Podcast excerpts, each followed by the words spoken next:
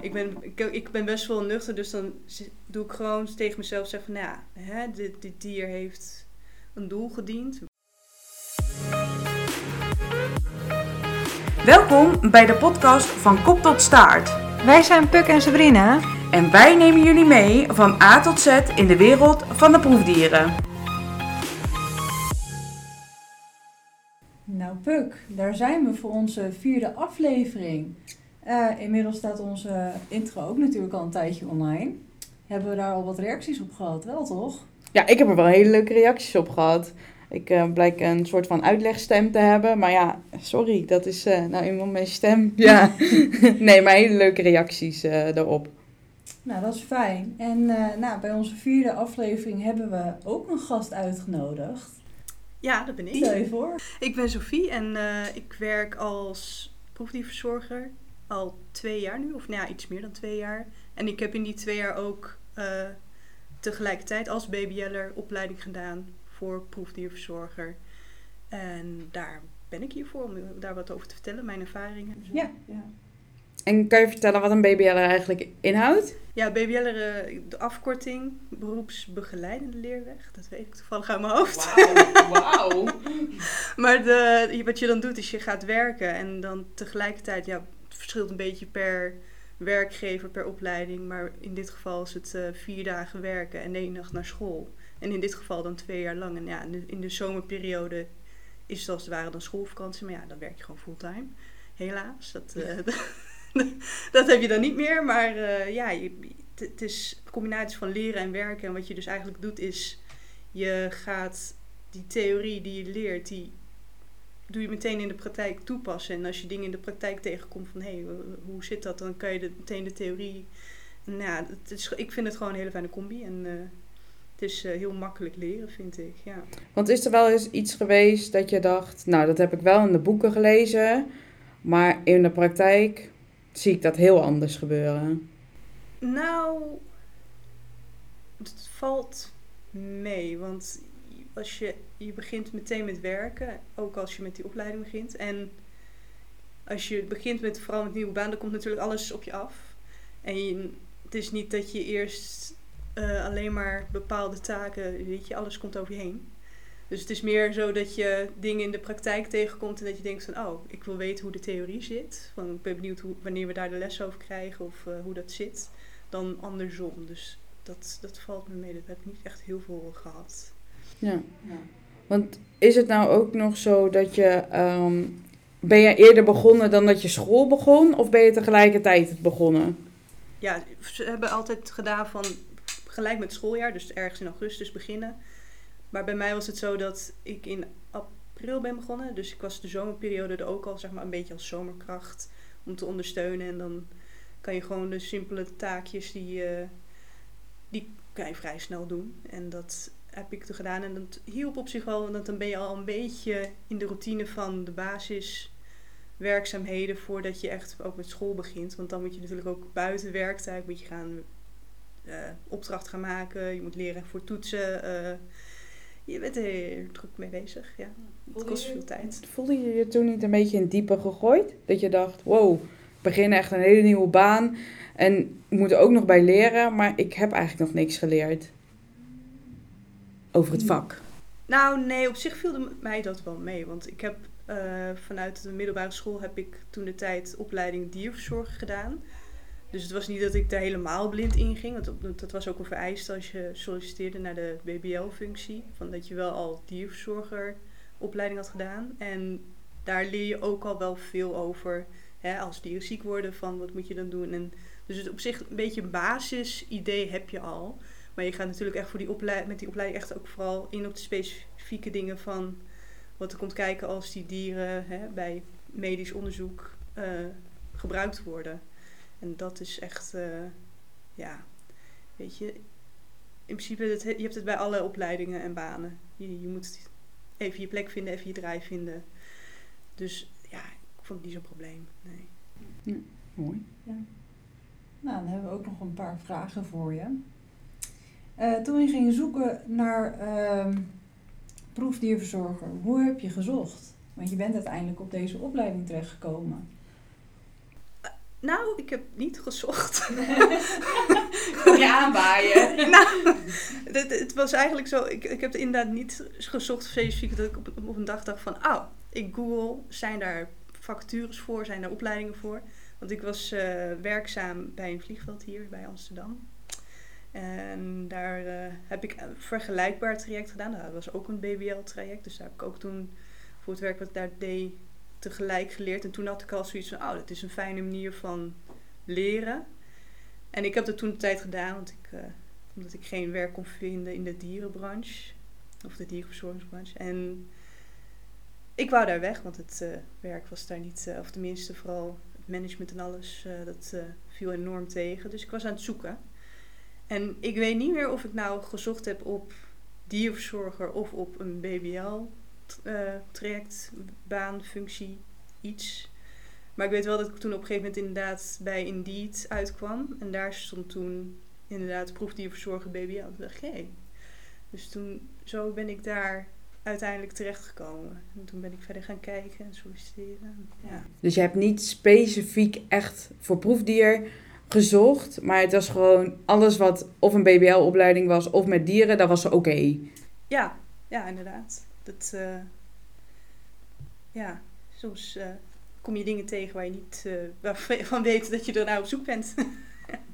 Want dat je de vacature zag over proefdieren, ben je daarna nog gaan uitzoeken wat proefdieren nou precies inhield? Ja, ik, ik zag de vacature en toen dacht ik, interessant. Dus dan klikte erop en er stond gewoon een hele omschrijving van nou, wat je gaat doen, wat het werk inhoudt. En uh, dat je inderdaad standaard werkzaamheden doet, zoals bij dierverzorging, hè, voer, water, verschonen van kooitjes, uh, al dat soort dingen. Maar dat je inderdaad ook vooral bij dit werk echt moet kijken naar de dieren, de gezondheid, hun welfare. Hoe zijn die dieren in orde? En ook hè, ondersteunen soms bij onderzoeken van werk wat onderzoekers doen uh, pijnstilling geven of wat dan ook. En dat, dat inderdaad, dat zijn dan dingen die meer specifiek echt bij proefdieren komen kijken. Maar ik vond het, uh, het sprak mij heel erg aan omdat ik op de basis, op, nee niet de basisschool, de middelbare school, moet je op een gegeven moment een vakkenpakket gaan kiezen voor je examens. En ik had toen de tijd, heb ik altijd al gehad, erg moeite om te kiezen met wat ik ging doen. Want ik vond alles wel interessant. En uh, ik, ik, op zich, als ik mijn mezelf ertoe zet, dan kan ik ook al, wel alles doen. Maar ik vind uh, ja, wetenschap, dat heb ik altijd wel interessant gevonden. Maar toen de tijd heb ik gekozen voor hè, geschiedenis, kunst, dat soort dingen. Toen dacht ik, toen ik die factuur dacht, zag ik, nou, ik vond dat altijd wel interessant. Dus, en dierverzorging vind ik natuurlijk ook heel leuk. Dus een beetje die combi deed mij ertoe zetten van ik stuur een uh, mailtje. Ja. En had je nog iets waar je tegenop zag? Dat je denkt, nou, ik ga met proefdieren werken. Ik vind het moeilijk om nou ja, met, met uh, het doden van dieren bijvoorbeeld te maken te krijgen. Of andere dingen waarvan je dacht, nou, ik weet niet of ik dat uh, ja, wel helemaal zo leuk vind. Ja, wat jij zegt, vooral inderdaad het doden van dieren. Dat is, ik denk ook gewoon wel, ja, lijkt mij het meest voor de hand liggende. Want je denkt niet van, nieuwe baan, leuk, we gaan beestjes doden. Dat is absoluut niet. Dat, uh, het is ook de eerste keer dat je, als je dat gaat leren, hoe, dat allemaal in elkaar zit, dan denk je van ja.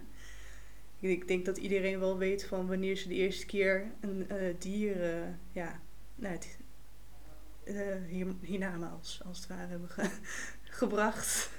ja, en dat, ja, je, je moet dat een beetje leren een plekje geven, want het gebeurt vaker dan dat je zou willen natuurlijk.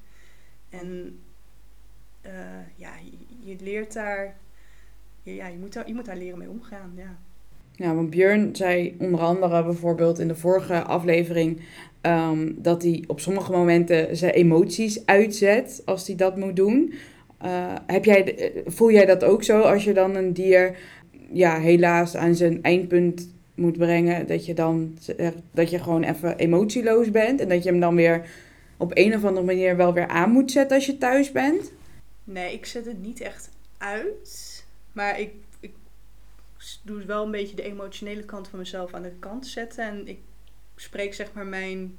Ik ben vrij, um, hoe heet dat, uh, gegrond? Of, um, nuchter? Nuchter, dat woord zocht ik inderdaad. ik ben, ik, ik ben best wel nuchter, dus dan doe ik gewoon tegen mezelf zeggen van, nou ja, hè, dit, dit dier heeft een doel gediend. Hebben een vrij belangrijk doel. We doen veel, veel kankeronderzoek. En dat is toch wel, eh, ik denk eigenlijk dat iedereen wel persoonlijk of via, via iemand kent die kanker gehad heeft. Of zelfs iemand verloren eraan heeft. En dan zet je toch een beetje in je hoofd nou, het is heel belangrijk. Dit, dier heeft een heel belangrijke taak gedaan.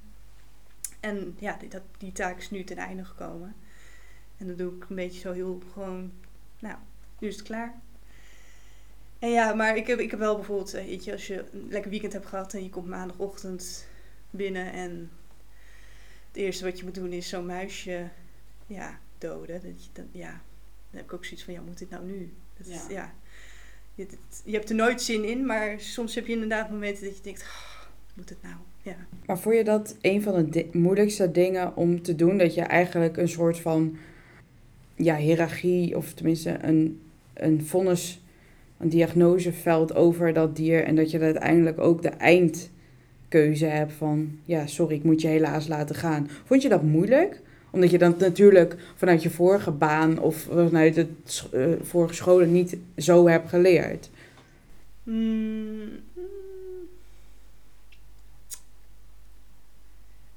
Nee, het is ook een beetje. Daarom doen denk ik, is het niet een vak wat veel mensen kunnen doen. Je moet het kunnen of niet kunnen. Want het, is echt een beetje. Nee, het is zo, je moet een beetje in je hoofd krijgen van ja, jij maakt wel dat besluit, maar het is eigenlijk, ik vergelijk, het gewoon met een dierenarts. Een dierenarts die wil ook gewoon het beste voor het dier. Nou ja, je weet hiervan, dat muisje zal nooit de wildernis in kunnen en vrij leven leven. En ze zullen altijd gewoon in het gebouw sterven. Of tenzij ze naar een ander instituut gaan bijvoorbeeld.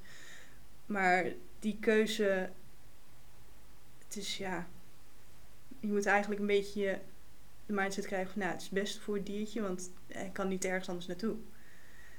En ik denk, het is inderdaad niet iets wat iedereen zou kunnen. Dus daarom zijn ook veel mensen die zeggen, nou, ik zou het werk nooit kunnen doen. Dat snap ik ook heel goed. En ja, het is raar om inderdaad jezelf een beetje het idee te geven, nou, het is het beste voor het diertje. Maar ja, het is inderdaad wel iets wat je, maar, wat je moet kunnen. Ja. En even een hele andere vraag. Waar zou je, waar zou je staan, willen staan over vijf, tien jaar? Als met hetzelfde beroep wat je nu hebt. Waar zou je dan op uit willen komen? Goeie vraag. het probleem is dat ik, ik weet je, dat, dat soort vragen krijg ik ook wel vaker over andere dingen natuurlijk. Van, oh, zie je jezelf over zoveel jaar? En het probleem is dat ik echt een meer persoon ben van, nou, ik leef vandaag en ik weet wat ik volgende week ga doen en wat ik over, waar ik over een jaar ben, dat zie ik dan wel.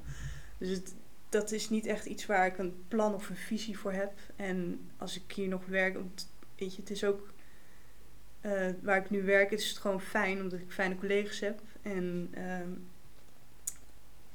een fijne werkplek. eh we hebben fijn, ook fijne teamleiders en alles.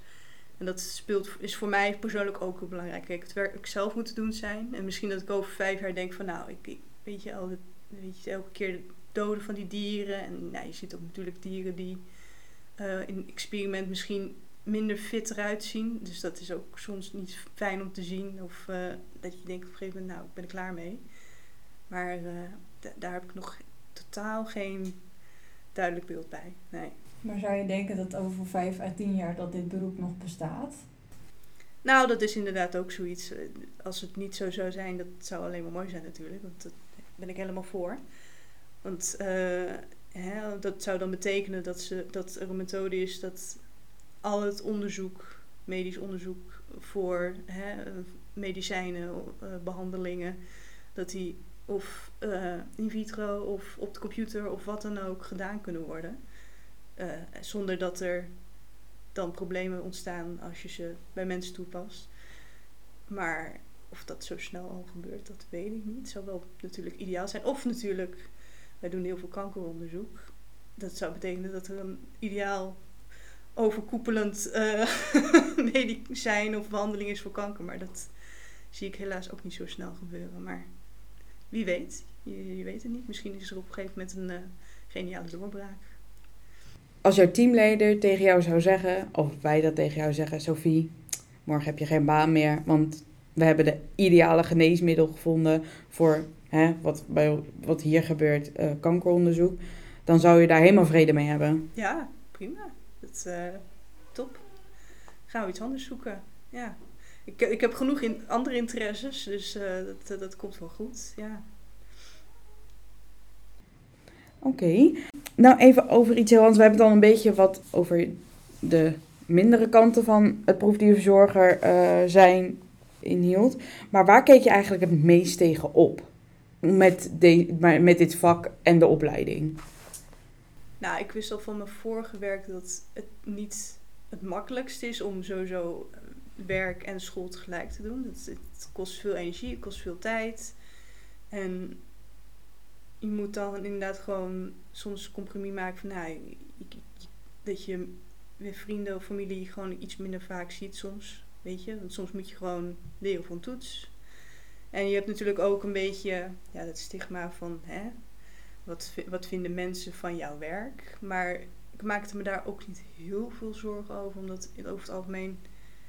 Uh, ik ben best, best wel hecht met ja, mijn directe familie en vrienden. En dat uh, die, die denken eigenlijk redelijk hetzelfde over proefdieren zoals ik erover denk. Van ja, als het niet hoeft, liever niet. Maar voor bepaalde dingen is het gewoon nog nodig. En ja, het is een beetje inderdaad, je moet voor jezelf stellen van, nou,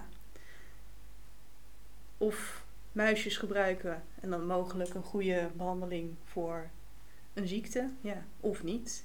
Maar was je bang voor de reactie van je, van je naasten, van je ouders, van je vrienden? Nee, absoluut niet. Nee. Nee, ik, uh, wat ik zeg, ze, ze, ze hebben vrij gelijke denkwijze en uh, meningen over dingen. En, en we zijn uh, altijd ja, open bij, met elkaar. Dus dat, nee, totaal niet. Nee. En wat was het minst leuke vak op de opleiding? Waar had je echt wel moeite mee? Nou, op zich na, geen moeite, want ik vond, het, ik vond het wel goed te doen. Maar wat ik, dat heb ik altijd het minst interessant gevonden, is uh, wetgeving. En ja, het, het, hoort erbij. En, uh, maar, ja, vaak vind ik persoonlijk ook met bepaalde wetten dat het vooral in dit vak ja, logisch is. Dat je hè, niet expres een dier pijn gaat doen. Dat, hè, dat soort dingen. Maar het, uh, het, het, het, kan soms een beetje taai en droog zijn.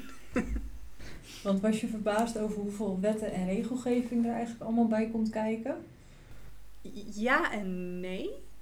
Want uh, hè, je hebt een heel speciaal stuk voor proefdieren, waar bijvoorbeeld in staat van nou, bij die diersoort moet zoveel ruimte en uh, nou, moet bijvoorbeeld dit beschikbaar zijn of wat dan ook. En nou, dat staat dan allemaal heel mooi beschreven, maar aan de andere kant denk ik van ja, dat, dat, kan, dat kan beter.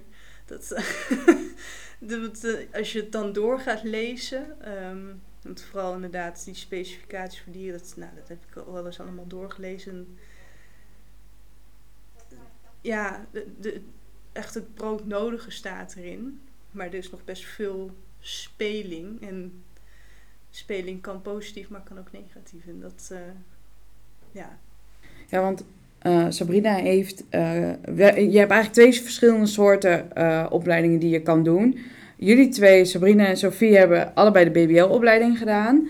En ik heb natuurlijk gewoon... Ik heb eerst zoveel weken in de banken gezeten, toen stage en toen weer zoveel weken in de banken gezeten wat zou je prettiger hebben gevonden? Dus alleen maar theorie en dan naar de praktijk? Of vond je dit de ideale manier om te leren? Nee, dit. Ik heb voor mijn dierverzorgingopleiding die ik naar de middelbare school heb gedaan, dat is inderdaad ook gewoon, hè, je gaat naar school en op een gegeven moment heb je een stage. Maar ik ben gewoon totaal niet geschikt om, zeg maar als een full, nou, hè, fulltime school, dat is, daar ben ik niet geschikt voor. elke dag, elke dag eh, in, een, lokaal zitten en dan elke dag informatie over je heen gegooid krijgen. En als je dan die BBL doet, dan krijg je elke keer krijg je een stukje. En dat kan je dan ook ver- verwerken. En qua energie en tijd en moeite weet ik niet wat beter is. Omdat je natuurlijk als je gewoon fulltime naar school gaat, dan heb je alleen school. Dan hoef je alleen aan school te denken. Maar voor, om, om dingen te onthouden, want ik heb ook het idee dat je, als je die BBL doet, hè, je doet theorie en dan alles praktijk continu ook, dat alles gewoon beter en sneller blijft hangen. Want ehm, jij vond wetgeving en eh, wet en regelgeving heel erg lastig. Maar Sabrina, wat vond jij een lastig vak toen? Hoe, eh, ik denk dat het voor mij ook wel inderdaad eh, wet en regelgeving was. Maar dat is gewoon puur omdat het eigenlijk hele taaie stof is. Het, het, het is best wel veel en het staat natuurlijk ja, op zo'n manier beschreven dat je denkt, wat staat er nou precies? Dus ik denk dat dat voor mij ook wel eigenlijk het moeilijkste was. Ja, ik had het dus, ja, ik had ook wel met wet en regelgeving, maar ik had ook heel erg lastig genetica. Vond ik ook echt een, een ding. Nee, ik, ik vond dat juist heel interessant. Ja, ik vond het ook interessant, maar ik vond het ook wel heel lastig om. Ja, ik, jullie hebben dat natuurlijk, wat jullie leren, dat zagen jullie meteen eigenlijk in de praktijk. En ik heb het gewoon vanuit een A4'tje geleerd. En acht of tien weken later zag ik het een keer in het echt. En toen was bij mij pas, oh, dat is het. Nu snap ik het. Maar op dat moment loop ik, loop ik acht weken lang of tien weken lang rond met een vraagteken in mijn hoofd van... Ik heb geen idee waar dit boek over gaat. Nee, ik, volgens mij is dat ook wel over het algemeen waar de meeste moeite mee hebben. Omdat ja, je, je snapt het of je snapt het niet. Ja. Maar als je nou eh, mag zeggen eh, van, eh, tegen de jongere Sophie van vijf jaar geleden, je, we weten al hè, dat je niet zo ver vooruit kijkt, maar misschien wel terug. Wat zou je haar voor advies hebben gegeven? Ga dit eerder doen of sla dat, dat die hele andere BBL-opleiding over en ga dit doen? Of zeg je van nee, dit traject vind ik wel oké? Ehm, ik zou waarschijnlijk helemaal niks zeggen. ja, nou, vijf jaar geleden toen zat ik net een beetje in zo'n gat van hè, na een opleiding en zo, naar school. En dan, hè, wat ga je doen? Ga je weer een opleiding doen? Ga je werken? En ik, hè, ik, ik wist het allemaal niet zo goed. En dat, dat, vijf jaar geleden, dat was eh, 2018. En toen zat ik ook net een beetje aan de vooravond, zat ik aan, ja, met, ook met, eh, met mijn familie aan de vooravond van een van de kutste jaren tot nu toe van mijn leven. Want in dat jaar, ja, weet je, voor de meeste mensen was het 2020, weet je, toen corona begon, maar ik, ik begon al een jaartje eerder. Want in dat jaar toen, eh, toen ben ik inderdaad eh, op het vliegveld begonnen, wat uiteindelijk, weet je, ik heb daar heel veel geleerd. Eh, maar het was op een gegeven moment wel echt mentaal heel zwaar. Dat, op een gegeven moment was het echt gewoon, ja, gewoon kut. Maar in 2019, wat het, het begin van dat jaar, toen ehm, was ook dat mijn oma, die bleek toen kanker te hebben. Nou, dat was terminaal. En we wa- waren met mijn auto woonde ik nog ook bij mijn ouders. En toen zijn we, nou, ik denk dat we net twee jaar daarvoor waren verhuisd. En toen woonden we toevallig net eh, naast mijn opa en oma. Dus toen zagen we er ook heel veel. Maar ja, dan zie je toch die, eh, ja, die terugloop van eh, ja, iemand die je heel lang al kent. Nou, en op een gegeven moment was ook mijn moeder, die had het jaar daarvoor ook dat ze een tumor had in de nek. Wel goed aardig gelukkig. Maar die was, eh, was, was voor de check-up geweest. Nou, die was toch te hard aan het groeien. Dus die moest dan ook een operatie. Nou, later in het jaar was mijn oma overleden. En toen weer later in het jaar moest mijn moeder die operatie. Nou, echt gewoon een heel kut jaar. Dus ik denk als ik terugkijk, van maakt niet uit wat ik heb, kan, ja, weet je, ik had iets positiefs kunnen zeggen of iets negatiefs of van, hè, oh het is kut of nou, hè, je komt er wel of ga dit doen. Maar ik, nee, ik, heeft, zou allemaal geen ene ruk uitgemaakt hebben. Dus ik denk gewoon, ja, helemaal niks. Gewoon, weet je, het is een beetje, hè, ja, je, dit is voor iedereen in het leven. Je hebt, die, eh, hoe heet het? eh, Ups en downs. ups en downs inderdaad.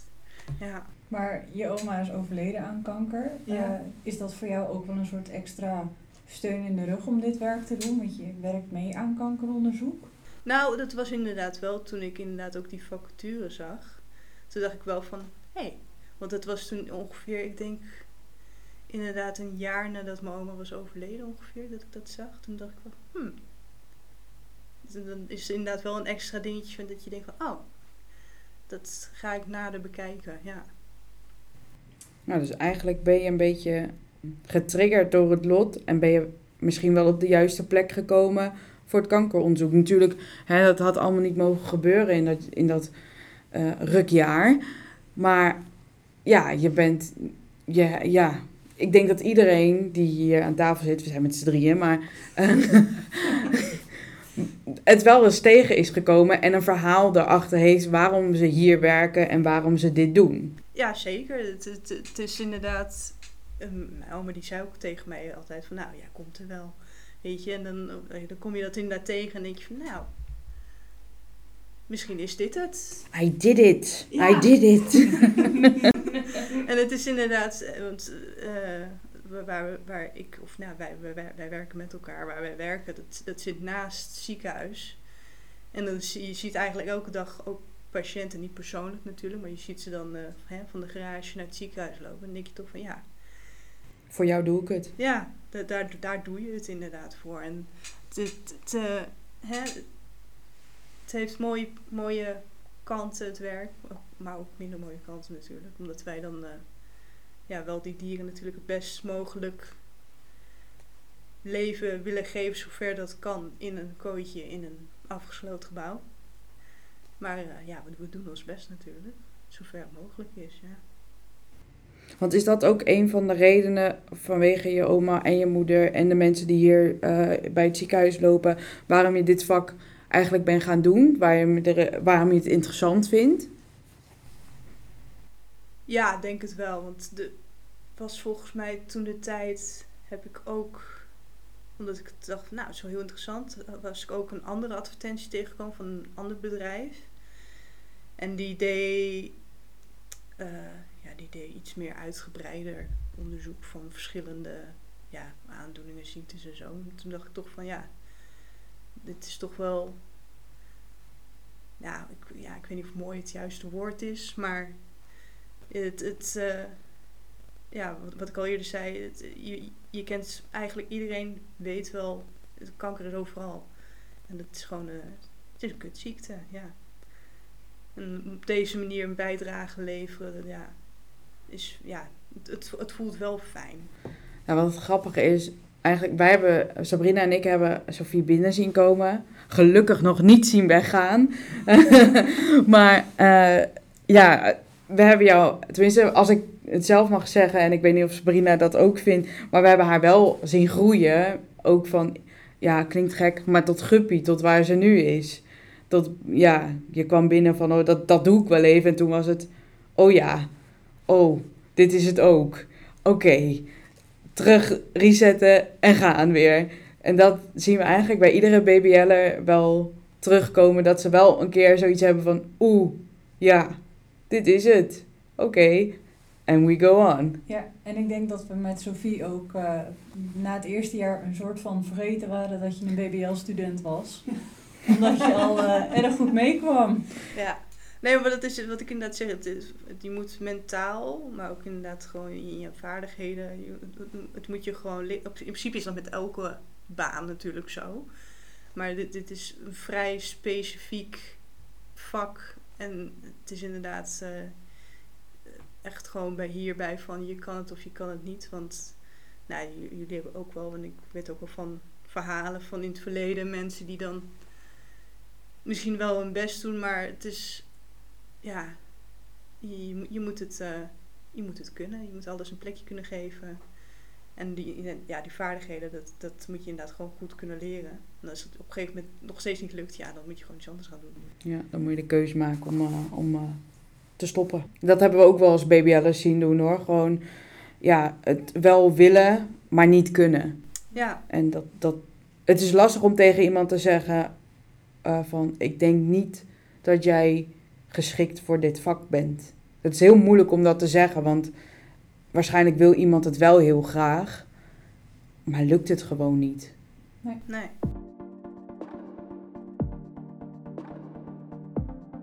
We hebben ook altijd welzijnstellingen bij deze podcast. Ehm Björn heeft die ook al eh, beantwoord. We hebben, Sabrina, Eh, groen, oranje en rood. en dat betekent, wat, wat betekent... eh, Eh, groen is, nou, dat is helemaal prima, ben ik oké mee.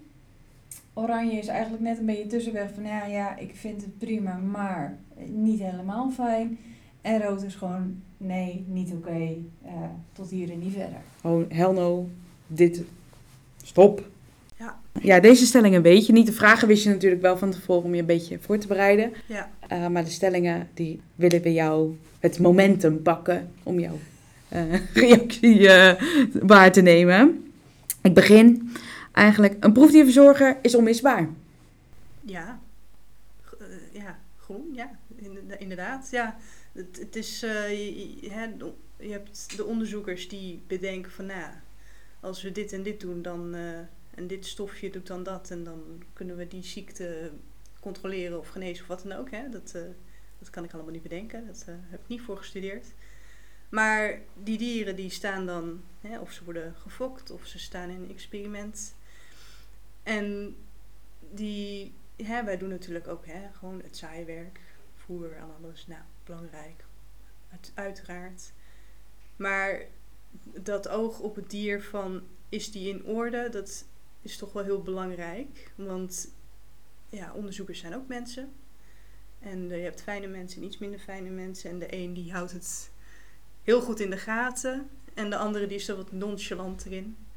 En als de verzorger zijn wij er in, gewoon om te zeggen van... Nou, dit dier eh, ziet eruit van dat het zit niet goed in het vel. Dus daar moet iets mee gebeuren. En dan kunnen wij zeggen van nou, hè, tegen de onderzoeker doe er wat mee. En als die onderzoeker dat dan niet doet, dan kunnen wij zeggen tegen onze teamleider van dat vind ik niet verstandig. En vaak, of, eh, of tegen ons dierenarts of wat dan ook. En dan eh, vaak wordt er ook actie ondernomen. Maar eigenlijk komt het gelukkig nooit zo ver. Maar dat, eh, het is gewoon dat extra oog. En die onderzoekers die, die, die zijn ook niet elke dag zelf aanwezig. Dus het is inderdaad gewoon zodat die dieren elke dag goed gecontroleerd worden of ze zich goed voelen. Ja. Ja. Nou, en dan de volgende. Als eh, proefdierverzorger ben je echt eh, met dierverzorging bezig. Nou, ik zou, ik zou zeggen, ja, groen of oranje. Maar het, het is inderdaad, het is dierverzorging. Want wat ik zeg, je moet inderdaad ook gewoon kijken, moet die kooi verschoond worden? Moeten ze voer hebben? Moeten ze water hebben? En in principe, als je bij dierverzorging, bijvoorbeeld in een dierentuin of wat dan ook werkt, dan kijk je ook naar het welzijn van het dier, naar de gezondheid. Maar hè, iets minder specifiek, je kijkt, oh, die ziet er goed uit. En je hebt hier, als dieren in experiment staan, dan moet je vaak ook specifieker kijken van, nou, naar bepaalde symptomen bijvoorbeeld. Want het kan zijn dat ze eh, last krijgen van ademhaling of wat dan ook bijvoorbeeld. Dan moet je dat echt in de gaten houden.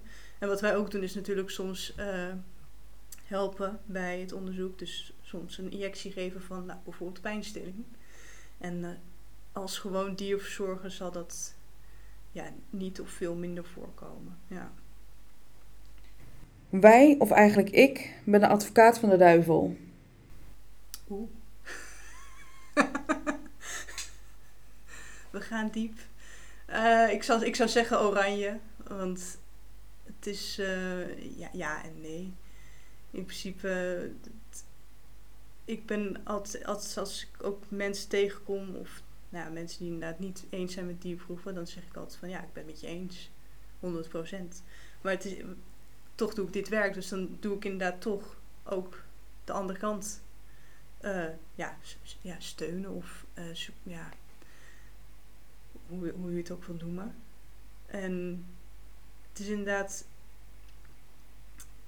ja, het komt gewoon op meningen neer natuur, natuurlijk. Maar wat je zegt, ja, je doet je best om die ziektes die, ja, waar geen medicatie of behandeling voor is, om dat ja, de wereld uit te helpen.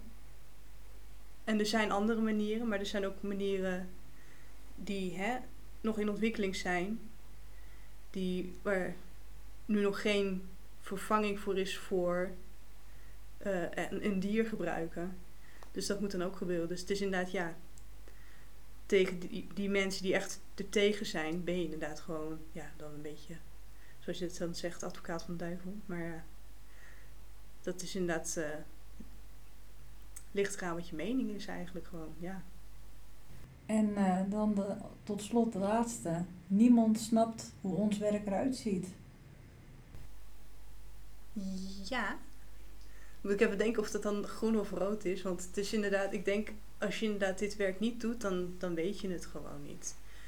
En het is ook deels denk ik gewoon omdat bedrijven en instituten altijd heel ja, hush-hush zijn geweest. Omdat eh, tegenstanders die kunnen vrij extreem reageren. Of vrij extreme acties ondernemen. Dus dat is dan vaak vanuit denk ik. Hè? Dus een aanname vanuit veiligheid voor zichzelf en voor de werknemers. Maar het is denk ik ook belangrijk gewoon om die bedrijven wat meer transparant te zijn. Van nou, dit gebeurt er. En dan kan je inderdaad nog steeds tegen zijn. Maar ik vind altijd van nou, ga dan een doel sturen zoals bijvoorbeeld proefdiervrij. En zodat er meer steun, uh, meer geld, meer tijd gaat naar uh, onderzoeken voor methodes die geen dieren gebruiken. Daar ben ik ook helemaal voor. Dus dat, uh, ja, zo sta erin. Ja. Dit was alweer uh, het einde van onze podcast. Tenminste, we vonden het heel leuk dat je er was. En uh, mocht je nou nog vragen hebben aan Sophie of aan ons, dan mag je ons altijd contacten via Instagram. Kop tot staart de podcast. Laat er gewoon een reactie achter, ook bij de streamingsdiensten. Dat vinden we ook helemaal Zeker. goed. En dan ga je een soort YouTube doen. Like en subscribe. Of hoe noem je dat? Volg en, en deel. Ik weet niet hoe je dat zegt, maar... Uh, alles. Alles. Uh, want, nou ja, zoals Sofie al zei... Heel veel instituten zijn uh, een beetje dicht. En eigenlijk willen wij met de gasten een soort van opening maken dat uh, ja, iedereen iets meer te weten komt over proefdieren en de verzorging daarvan. Ja, ja. En uh, Sophie, zou jij nog wat willen meegeven aan eventuele luisteraars die ook interesse hebben in dit vak? Ja, ik zal zeker uh, aanbevelen van als je ervoor voor wil gaan, want er zijn ook ja, korte opleidingen en er zijn ook cursussen om inderdaad een BBL-traject te doen, omdat je dan echt goed alles leert en goed alles kan opnemen. En het, het is niet voor iedereen. Dus als je denkt van nou, waarschijnlijk is het niet iets voor mij, doe het dan ook gewoon niet. Ga niet je tijd verspillen. Maar ge, geef het gewoon, ja, geef het een kans. Ja. Nou, ik denk dat dat een uh, mooie afsluiter is. Ja, nou bedankt Sophie. En uh, nou ja, wij zien jou uh, gewoon morgen weer. Ja, inderdaad.